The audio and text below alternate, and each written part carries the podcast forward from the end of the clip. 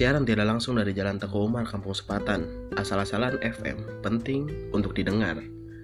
Assalamualaikum warahmatullahi wabarakatuh. Selamat pagi, siang, sore, dan malam. Gue Iqbal, hari ini akan nemenin waktu lu semua dengan pembahasan-pembahasan yang sekiranya menarik untuk didengar. Stay tune terus, hanya di asal-asalan FM. gimana gimana? Opening siaran gue. Sangat tidak profesional ya.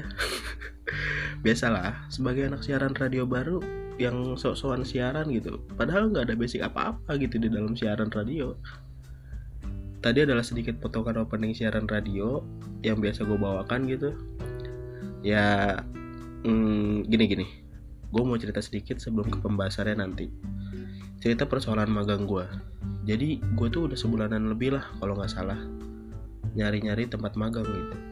Nah, berhubungan sekarang lagi, kondisi covid di Indonesia belum menurun, jadinya banyak perusahaan yang nggak buka lowongan magang gitu dan itu sangat berdampak bagi kami-kami mahasiswa yang membutuhkan tempat magang gitu. Alhasil kesusahan lah gue untuk dapetin lowongan magang. Tapi singkat cerita, dapatlah gue di salah satu radio di Bekasi. Itu juga yang kebetulan diajak salah satu teman gue untuk gabung bareng dia di radio gitu. Dan ya udah gue terima ajakan teman gue itu dan ya udah sekarang gue lagi magang di salah satu radio di Bekasi. Terima kasih kawan. Respect buat anda ya. Gue sih niatnya mau bahas satu episode full tentang gue magang gitu tapi ya masih nantilah gue masih disibukkan oleh permagangan duniawi ini nih Oke lah, langsung masuk ke pembahasannya. Episode kali ini gue bawakan di bulan September 2020. Pembahasannya adalah perihal gondrong. Hai pendengar, selamat datang di Asal-Asalan Podcast, episode 5. Berarti udah 5 episode gue bawakan. Sangat tidak penting ya, nampaknya gue memberitahu info tadi gimana kabarnya nih kalian semua? Semoga baik-baik aja ya. Amin. Oh iya, hari ini bertepatan di hari ulang tahun gue, 12 September 2020. Dan gue lahir di 12 September tahun 2000. Berarti gue udah 20 tahun hidup di bumi ini. ya, sekali lagi info yang tidak penting untuk disampaikan ya. Dan gue mau ucapin selamat ulang tahun buat diri gue sendiri. Dan terima kasih untuk diri gue sendiri yang sudah bersedia untuk tetap menjadi dirinya sendiri. Terima kasih untuk tubuh gue bersedia menjadi tempat untuk gue bertumbuh dan berkembang. Makasih sudah bersedia menjadi tempat untuk gue berproses dan akan terus berproses insya Allah. Semoga di umur yang bertambah ini bisa menjadikan diri gue sebagai pribadi yang lebih baik lagi dan terus berproses lagi dan juga untuk orang-orang yang telah merasa tersakiti akan ucapan atau perbuatan gue gue mohon maaf akan hal itu. Udahlah ya. Tadi awalnya gitu aja. Oh ya itu poster podcast gue kan ada tuh foto-foto gue sama beberapa cowok-cowok keren. Ya udahlah nggak usah dikomen. Nikmatin aja. Emang keren kok. Pede sekali. Oh iya di pembahasan kali ini ya gue coba pengen cerita aja gitu pengalaman gue atau proses gue atau kepengenan gue kenapa sih pengen punya rambut gondrong gitu? Jadi selama lu dengerin ini ya udah lu bebas aja mau rokok ngopi sambil tiduran sambil nemenin lu ngerjain tugas. Tapi jangan karena bisa bikin pusing kalau dengerin omongan gue ini jadi santuy aja lah dengerin ya mau ngapain aja bebas lah. Gue juga di sini santai-santai aja tapping podcast ya ngapain kayak gitu.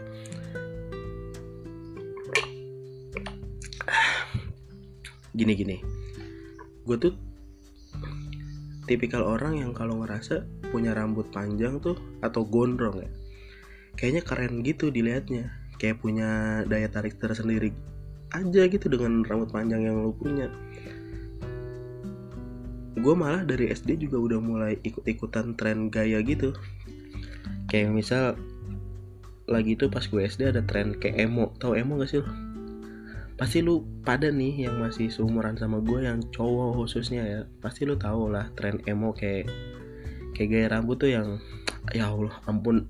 Aduh alay bet gitu alay gitu udah kayak jamet kampung gitu. Gue aja nih kalau lihat foto gue yang rambutnya kayak emo gitu anjing. Pengen gue tonjok rasanya diri gue sendiri semenjijikan itu gitu.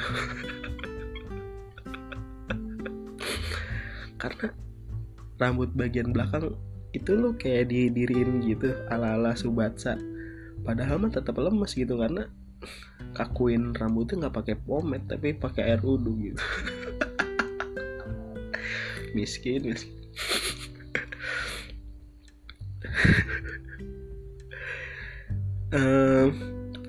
Terus rambut poni gue kayak diturunin ke jidat gitu ala ala Sasuke gitu. Padahal mah kalau dilihat-lihat bukan kayak Sasuke malah mirip Kuproy Madura. Kenapa sih gue ikut dalam tren itu pak? Hmm, ya nggak apa lah ya itu adalah sebagian dari proses hidup gue yang sekarang bisa gue ceritakan gitu. Nah gue tuh dulu sering lihat-lihat artis yang gondrong dan menurut gue keren gitu. Kayak Vino uh, Aliando Firza Adipati Dolken dan masih banyak lagi kayaknya. Nah dari situ gue kayak mulai termotivasi buat coba rambut gondrong gitu.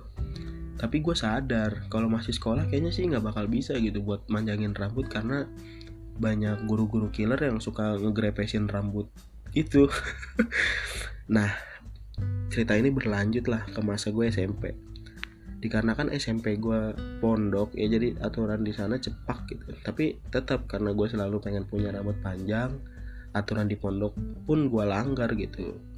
Dan sangat sering gue kena raja rambut di pesantren gue itu di, di pesantren gue tuh kalau ada raja rambut pas diperiksa nih kalau rambut lo kena jambak dikit aja itu kena. Ya udah digrepes dah itu rambut. Pokoknya selama gue hidup tuh rambut gak pernah rapi ya selama di pondok. Karena baru potong dikit razia. Potong dikit razia. Potong bebek angsa. Waduh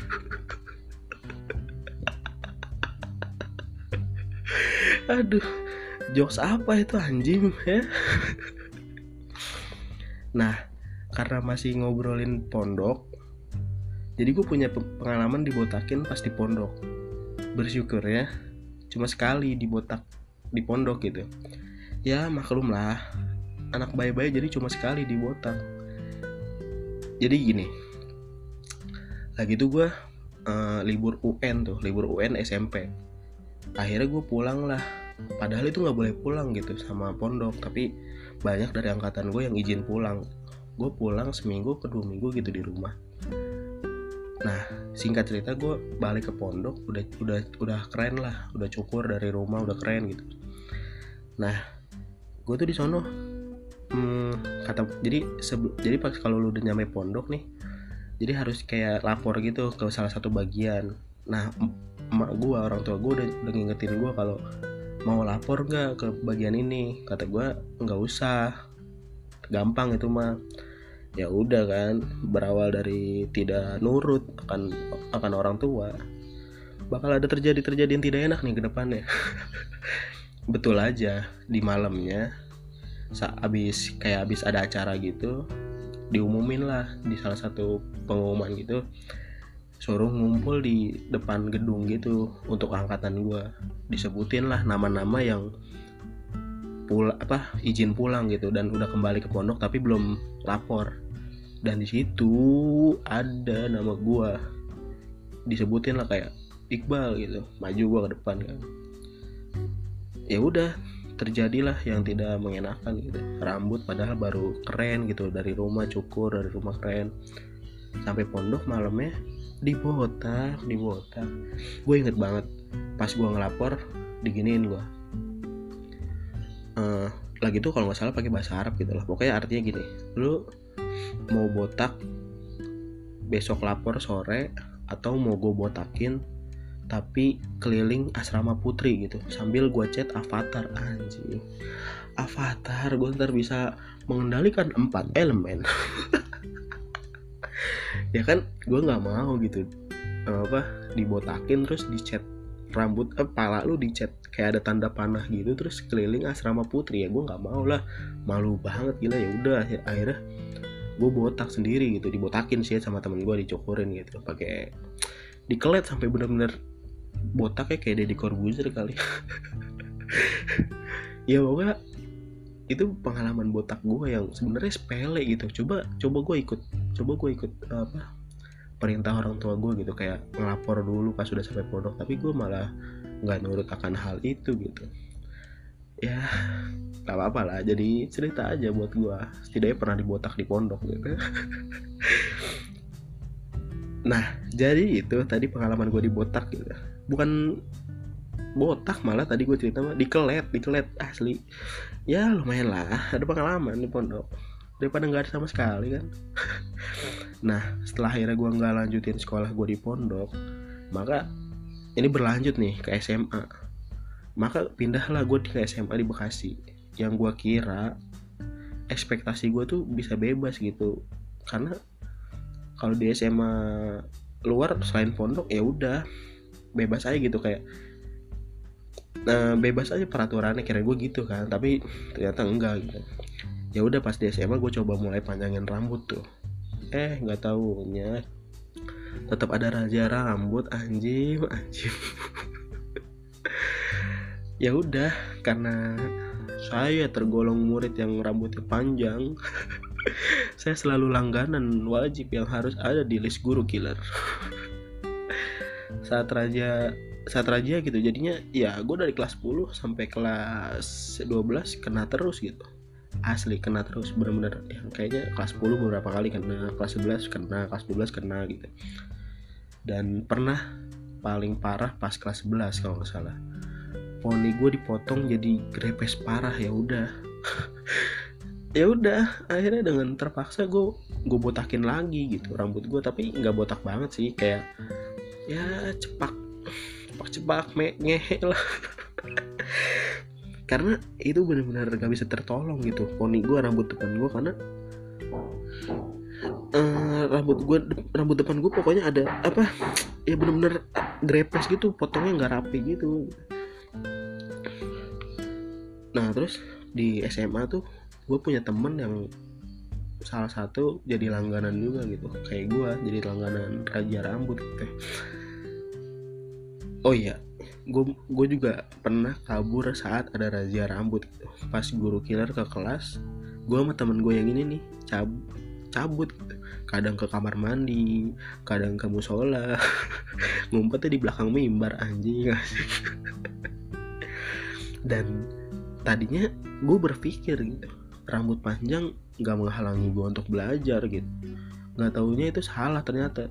Iya sih rambut panjang emang gak menghalangi gue untuk belajar tapi menghalangi yang duduk di belakang gua. Bos, minggir. Yang kelihatan rambut bukan papan tulis. Alhasil gue di SMA model rambut ya udah gitu-gitu aja, panjang wajar aja gitu, panjang aman lah ibaratnya. Oh iya, pas gue SMA tuh ada model potongan rambut yang selalu kalau gue cukur pasti pakai model itu.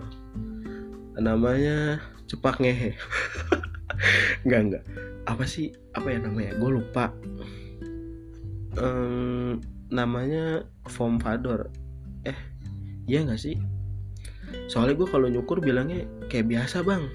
Terus tanya nih sama tukang cukur nyukur apa nih? Kayak biasa bang. Jadi gue nggak tahu gitu namanya. Gue nggak salah aja tadi. Kalau nggak salah foam fador lah.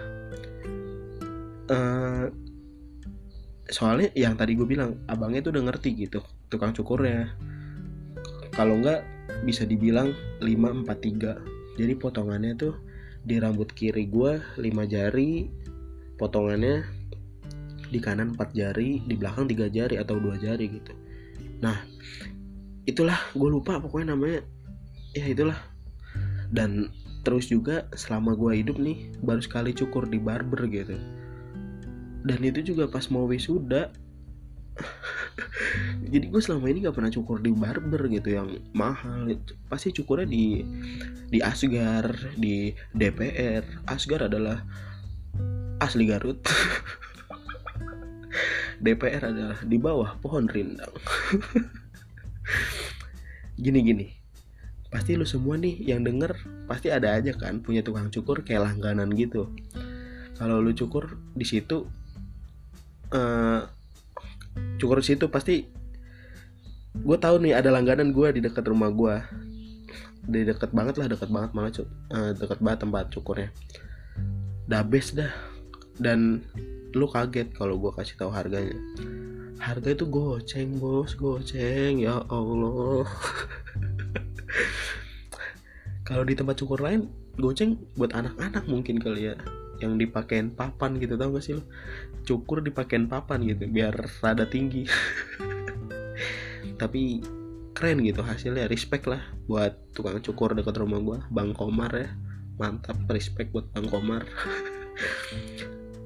Pokoknya itu pengalaman gue saat SMA mungkin terbelit-belit ya emang nggak jago ngomong tolol emang.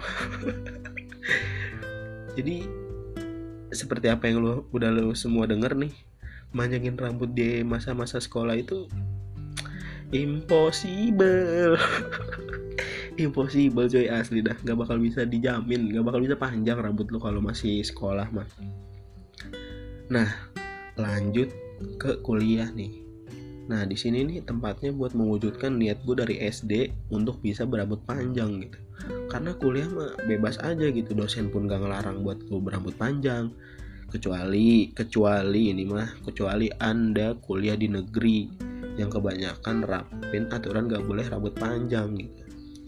Nah, gue mau cerita nih dari awal sampai bisa punya rambut gondrong ini. Awalnya tuh pas masuk kuliah ada aturan bahwa ospek harus cukur rambut dengan ketebalan 2 cm gitu. Anjim anjim ya udah alhasil gue jadi biksu lagi kan. Bangke bangke. Jadi botak lagi gue tadinya gue gue nggak mau ikut ospek gitu biar gue tetap nggak cukur rambut gitu. Tapi denger denger dari cutting kalau nggak ikut ospek bisa nggak dapet almet kampus gitu. Terus gue mikir daripada gue nggak dapet almet ya udahlah ya mau gimana lagi akhirnya gue kembali menjadi biksu gitu. Udah tuh kan akhirnya gue mengikuti ospek lah. Nah di kelompok gue nih ada yang nggak ikut ospek. Dan dia nggak cukur rambut gitu. Tadinya gue udah diajakin biar nggak ikut ospek. Tapi karena gue belum deket banget sama itu orang jadinya ya udah gue tetap ikut ospek. Dan setelah akhirnya gue masuk kuliah gue baru tahu nih temen gue yang nggak ospek itu wujud orangnya. Nah pas gue lihat dia nggak cukur ah asli gue iri bos. Karena dia nggak cukur berarti dia ke depannya bisa gondrongin rambut bisa lebih cepet gitu dibanding gue yang botak 2 cm gitu. Anjing, anjing.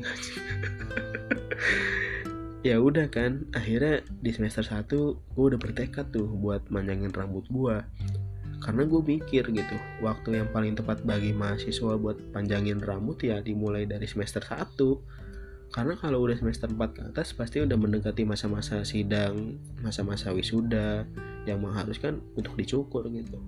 Sedangkan manjangin rambut nggak sekedar masak indomie gitu instan. Harus nunggu satu tahun. Lebih buat manjangin ya seiring berjalannya waktu rambut gue udah terus memanjang tapi diiringi oleh temen gue yang rambutnya mulai panjang lagi sampai udah bisa diikat gitu.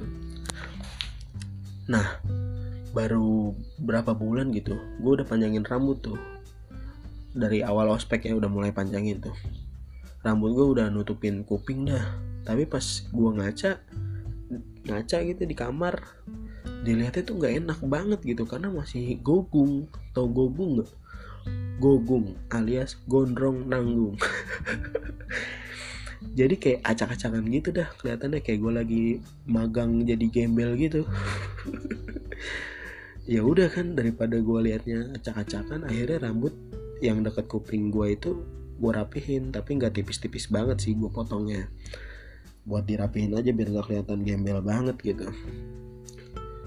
Oh iya gue juga di sini banyak temen gue yang mau manjangin rambut juga gitu jadi ada bareng barengan lah merintis karir di rambut gondrong ini. Merintis karir anjing. Nah akhirnya udah setahun lah berlalu. Gue belum cukur-cukur lagi tuh. Nah udah mulai kerasa dah tuh suka dan dukanya berambut gondrong. Oh iya gue di sini manjingin rambut tuh nggak pakai sampo apa-apa yang kayak misal sampo kuda, sampo gajah, sampo jerapah, sampo onta gitu. Atau sampo metal yang bisa buat manjangin rambut gitu. Karena gue takutnya dengan pakai sampo itu rambut gue malah rusak gitu. Karena ada beberapa temen gue yang awalnya rambutnya lurus-lurus aja, terus coba pakai sampo itu yang niatnya memanjangin rambut malah jadi keriting rambutnya nah gue nggak mau kayak gitu makanya gue pakai sampo yang biasa gue pakai aja karena ya bisa panjang juga gitu tapi mungkin butuh waktu aja ya dan yang gue baru sadar nih sebenarnya punya rambut gondrong itu nggak selamanya enak ada beberapa suka dan duka yang gue rasain selama rambut gue rambut gue gondrong kayak sekarang ini gitu nah Kali ini gue mau ngasih tahu suka dan duka berambut gondrong. Mungkin dari sukanya dulu kali ya. Yang pertama, akhirnya niat gue dari SD untuk untuk punya rambut panjang bisa tercapai. Gila, penantian 12 tahun, sekolah, dan akhirnya sekarang kuliah gitu bisa bebas punya rambut panjang akhirnya terwujud gitu. Sebenarnya bukan cita-cita tapi keinginan aja gitu gimana sih rasanya punya rambut gondrong gitu ya kan? Yang kedua ada penampilan yang berubah dari diri gue tapi di poin ini ada plus minusnya. Kalau plusnya tuh ya kayak ada penampilan yang berubah aja di tubuh lo. Kayak misalnya sebelumnya rambutnya pendek cepak botak dan sekarang gondrong gitu. Pasti feel apa yang lo rasain tuh beda banget. Dan feel orang-orang yang terhadap ya orang-orang terhadap lu juga pasti beda banget dah. Nah minusnya nanti dibahas yang di dukanya punya rambut gondrong. Poin ketiga kadang punya rambut gondrong bisa disegenin sama orang. Jadi gini gue punya cerita uh, eh, gue disegenin sama orang. Uh, kan gue kan uh, tipikal orang yang suka nongkrong. Tapi ya gitu sama circle gue doang teman-teman SMA gue lah. Gue lagi tuh nongkrong di salah satu warkop di Bekasi. Terus gue nongkrong eh duduknya di bangku yang kayak panjang gitu tapi bukan nyatu sama teman-teman gue gitu. Jadi misah lah jadi gue kayak di tengah-tengah di jalan gitu. Nah itu keadaan warkop sepi tuh kayak gitu. Terus tiba-tiba banyak bocah datang lah rame. Lumayan gede juga bocahnya nggak kecil-kecil banget. Terus tiba-tiba mungkin emang berlebihan aja kali ya cara menghormatinya. Itu bener-bener yang kayak misi bang misi bang sumpah itu nunduknya sampai ke lantai sampai mau sujud anjing nunduk misi bangnya kata gue iya, iya santai santai. Gue bilang gitu. Terus dia bolak balik gitu kayak misi bang. Ini gue mikir ini antara gue diseganin apa ngeledek gue nih anjing tapi ya kalau dilihat-lihat bisa lah disegenin kayak gitu. Itu tadi hmm, poin yang apa nomor tiga yang kadang punya rambut gondrong bisa disegenin sama orang. Yang keempat sukanya nggak usah nyisir. Nah yang ini juga mantap jiwa nih. Kalau orang normal atau berambut pendek mah tiap habis mandi selalu nyisir kan? Nah kalau rambut lu gondrong mah lu mau nyisir kayak enggak kayak itu juga nggak bakal beda jauh hasil rambutnya gitu. Jadi lu nggak usah ribet nyisir setiap habis mandi atau rambut lu berantakan gitu. Kalau rambut gondrong terus berantakan ya udah tinggal sisir aja. Tapi tahu nggak sisir orang gondrong apaan sisir orang gondrong adalah sela-sela jari tangannya. Ini nih jari kalau udah dijadiin sisir buat ke rambut bah rambut lu auto lurus dah kayak karir gua. Jadi buat yang gondrong nih cukup aja pakai jari-jari lu. Gak, gak usah ribet lah. Take it easy brah. Yang kelima jadi bahan obrolan nah yang ini oke juga nih. Gue ambil satu contoh aja deh. Misal kayak lagi kumpul sama keluarga besar. Rambut gue tuh sering banget jadi bahan obrolan mereka gitu. Kalau ya gue nggak tahu sih obrolannya negatif apa positif gitu. Kalau dulu mah sebelum gue gondrong yang jadi bah yang jadi obrolan mereka tuh kayak karena gue gemuk gitu. Jadi kayak makin gemuk aja nih subur nih badan gitu. Nah yang kayak gitu-gitu. Nah kalau sekarang beda lagi. Kayak misal wih anak kuliahan mah gondrong ya sekarang. Berapa lama ini manjanginnya?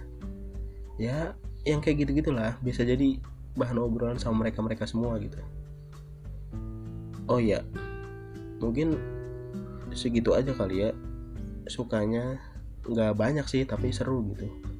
Nah ada suka pasti ada duka dong nah kali ini gue nyebut gue juga nyebutin duka atau nggak enaknya punya rambut gondrong tapi sekali lagi, dari poin suka dan duka ini, ini adalah sudut pandang gue sendiri, sudut pandang subjektif gue.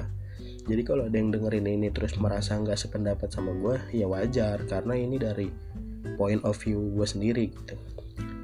Nah, tadi gue udah bahas masalah sukanya mempunyai rambut gondrong. Kali ini gue mau nyebutin beberapa hal bahwa rambut gondrong itu juga menyebalkan gitu. Yang pertama, susah disisir. Nyisir bagi gue adalah suatu kegiatan yang sedikit menyiksa gitu. Walaupun rambut gue lurus-lurus aja, tapi rambut bagian bawah gue, eh, maksudnya rambut ujungnya itu kayak bercabang gitu, jadi kayak kusut gitu. Ambigu banget ya kalau rambut bagian bawah.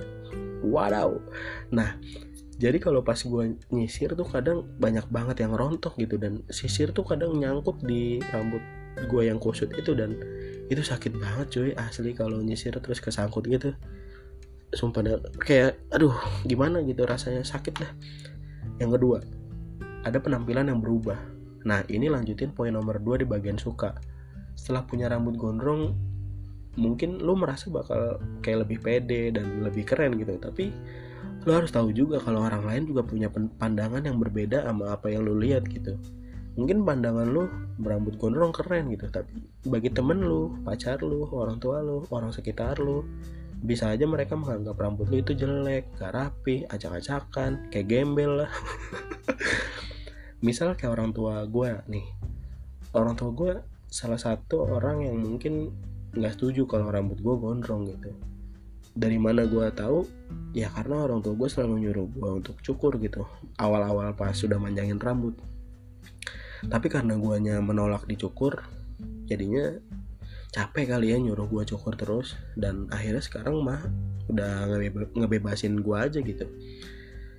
Dan juga salah satu orang yang uh, nyuruh gue cukur adalah mantan gue gitu mungkin karena dia nggak mau lihat gue kayak urakan atau acak-acakan kali ya jadinya nggak suka aja lihat rambut gue yang gondrong gitu. Sukanya yang rapi lah gitu. Tapi apakah saya nurut? Oh tentu tidak dong. Orang tua orang tua gue aja gue tolak suruhannya apalagi cuma mantan. Ya pasti gue tolak mentah-mentah lah oh iya buat mantan sehat selalu ya. Apaan sih? Nah jadi kayak gitulah. Pasti ada pandangan yang lain terhadap rambut lo. Jadi buat lo yang mau berambut gondrong ya mantepin dulu niat lo dari awal biar ke depannya nggak nyesel di tengah jalan gitu. Biar nggak di tengah-tengah jalan lo tiba-tiba ada yang komentarin rambut lo terus lo cukur gitu. Ya bodo amat lah akan hal itu. Fuck gitu. Anjing apaan sih? Poin ketiga gerah. Ini nih btw gue kan orang bekasi ya. Ya lu tahu sendiri lah gimana rasanya gue berambut gondrong bawa motor siang-siang bolong di planet Bekasi ini yang panas ya. Melebihi Mars. Waduh. Mana macet lagi trek baterai dah ibaratnya kayak neraka bocor atau enggak lagi simulasi neraka gila. Saking panasnya kalau bawa motor siang-siang bolong gitu. Kalau bawa motor nih ya siang-siang rambut diurai gerah bagian leher waduh. Tapi kalau dicepol mentok sama helm. Buset dah jadi kayak pakai konde gue gede di belakang. Makanya gue sekarang lebih respect sama wanita-wanita yang berkerudung gitu dia tuh kan diikat kan ya rambutnya dari pagi terus pakai kerudung gitu. Otomatis kan ketutup ya tuh rambut. Terus kalian tuh jalan di siang hari gitu. Terus kalian kuat gitu ya aduh apa karena terbiasa apa gimana gitu. Makanya respect lah buat wanita-wanita berkerudung di luar sana. Respect buat anda. Sumpah pasti gerah asli yang rambut gondrong. Makanya aduh kalau yang nggak niat niat rambut gondrong udahlah nggak usah. Gerah gitu gak kuat gitu. Biar aku saja. Anjing. Makin tidak jelas. Poin 4 ngeringinnya lama. Nah ini juga nih. Salah satu poin gak enaknya beranggut gondrong. Ngeringinnya lama. Gue sekarang kalau mandi tuh suka males gitu karena kalau gue mandi ya berarti rambut gue basah. Dan itu ngeringinnya itu butuh effort. Effort yang yang banyak gitu. Kalau gue nih abis mandi rambut gue tuh gue harus lap tipis-tipis gitu pakai anduk. Tapi beda ya sama anduk yang buat badan. Dan satu hal yang gak boleh lo lakuin saat rambut lo basah adalah nyisir. Kenapa? Karena itu bisa banget buat rambut lo rontok gitu pas lo sisir. Ya udah cara gue cuma gue diemin doang sambil main hp terus diangin anginin sampai kering gitu jadinya kalau misalkan gue ada jam kuliah atau mata kuliah di kampus jam pagi gitu biasanya gue mandi nggak gue basahin tuh rambut supaya gue nggak telat ke kampus gitu. Kalau gue basahin rambut terus gue tunggu kering ya yang ada sampai kampus udah kelar kalimat gue ya kelima suka gatel. Nah ini juga ada rada ganggu bet ganggu nih buat lo yang gondrong pasti ini salah satu yang malesin banget kan? Misalnya tiba-tiba rambut lo masuk ke kuping masuk ke mata lah turun-turun ke jidat lah. Emang kadang caper ini rambut kayak mahasiswa yang so pinter di kelas. Dan juga pasti lu, lu lu pada nih yang gondrong pernah ngalamin pas tiduran eh pas mau bangun rambut lu ketarik lagi sama ketindian badan lu gitu. Waduh cuy. Gak enak banget gitu asli dah. Terus juga mau tidur kadang suka gatel di bagian leher di pipi di leher di di di paha. Waduh panjang juga pak. Jadi agak risih gitu. Intinya mah kalau rambut panjang terus kena kena bagian-bagian tubuh gitu. Minum dulu lah ya. Haus gila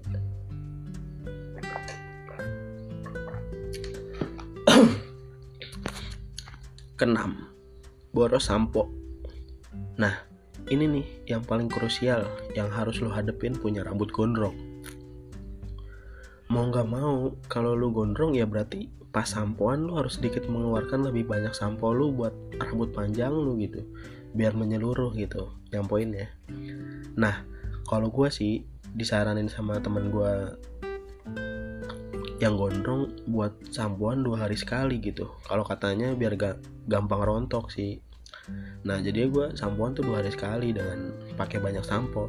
Tapi tergantung juga sih kalau mau mandi wajib juga sampoan biasanya sih hari Jumat sampoan dah tuh sekalian mandi wajib. Yang ketujuh ini yang paling pasti sering dah.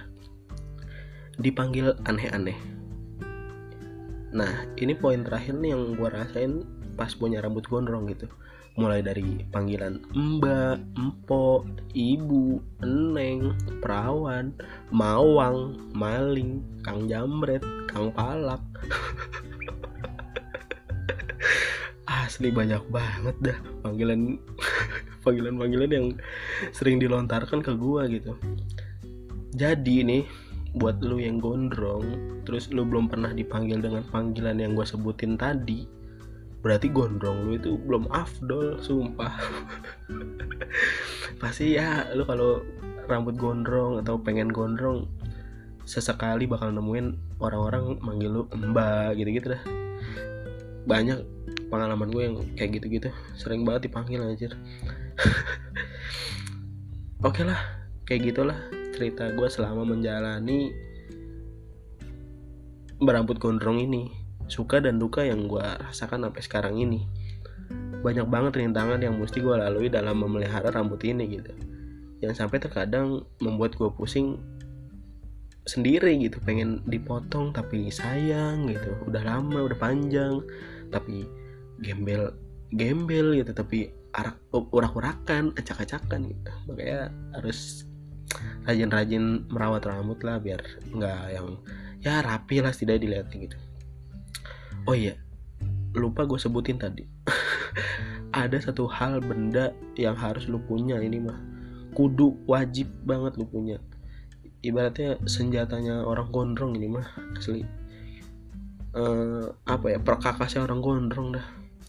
Yaitu iketan rambut atau kunciran. Benda ini adalah penyelamat gitu. Di kala siang hari biar nggak gerah penyelamat lo di saat makan-makan kuah kayak bakso. Kalau nggak ada beginian pas lo makan bakso yang ada rambut lo nyebur semua ke kuah. Dan rambut lo jadi ramdu. Rambut kaldu. Alias lepek lepek. Oh iya btw di sini gue nggak bahas kayak sejarah awal rambut gondrong ya. Di sini gue cuma cerita pengalaman pribadi gue aja dari sudut pandang gue aja gitu. Soalnya kalau dibahas sejarahnya ada yang bilang gondrong itu melambangkan orang yang gak mau diatur gitu. Simbol perlawanan lah simbol kekuatan lah macam-macam deh kalau sejarahnya mah. Dan juga mungkin masih ada beberapa waktu lagi untuk gue menikmati rambut gondrong gue karena nantinya bakal gue cukur juga buat keperluan akhir kuliah gitu. Mungkin bakal gue jadiin pajangan kali ya nanti pas gue potong. Mungkin dibingkain kali ya di kamar gue kayak cocok gitu. Jadi ada pajangan gitu di kamar.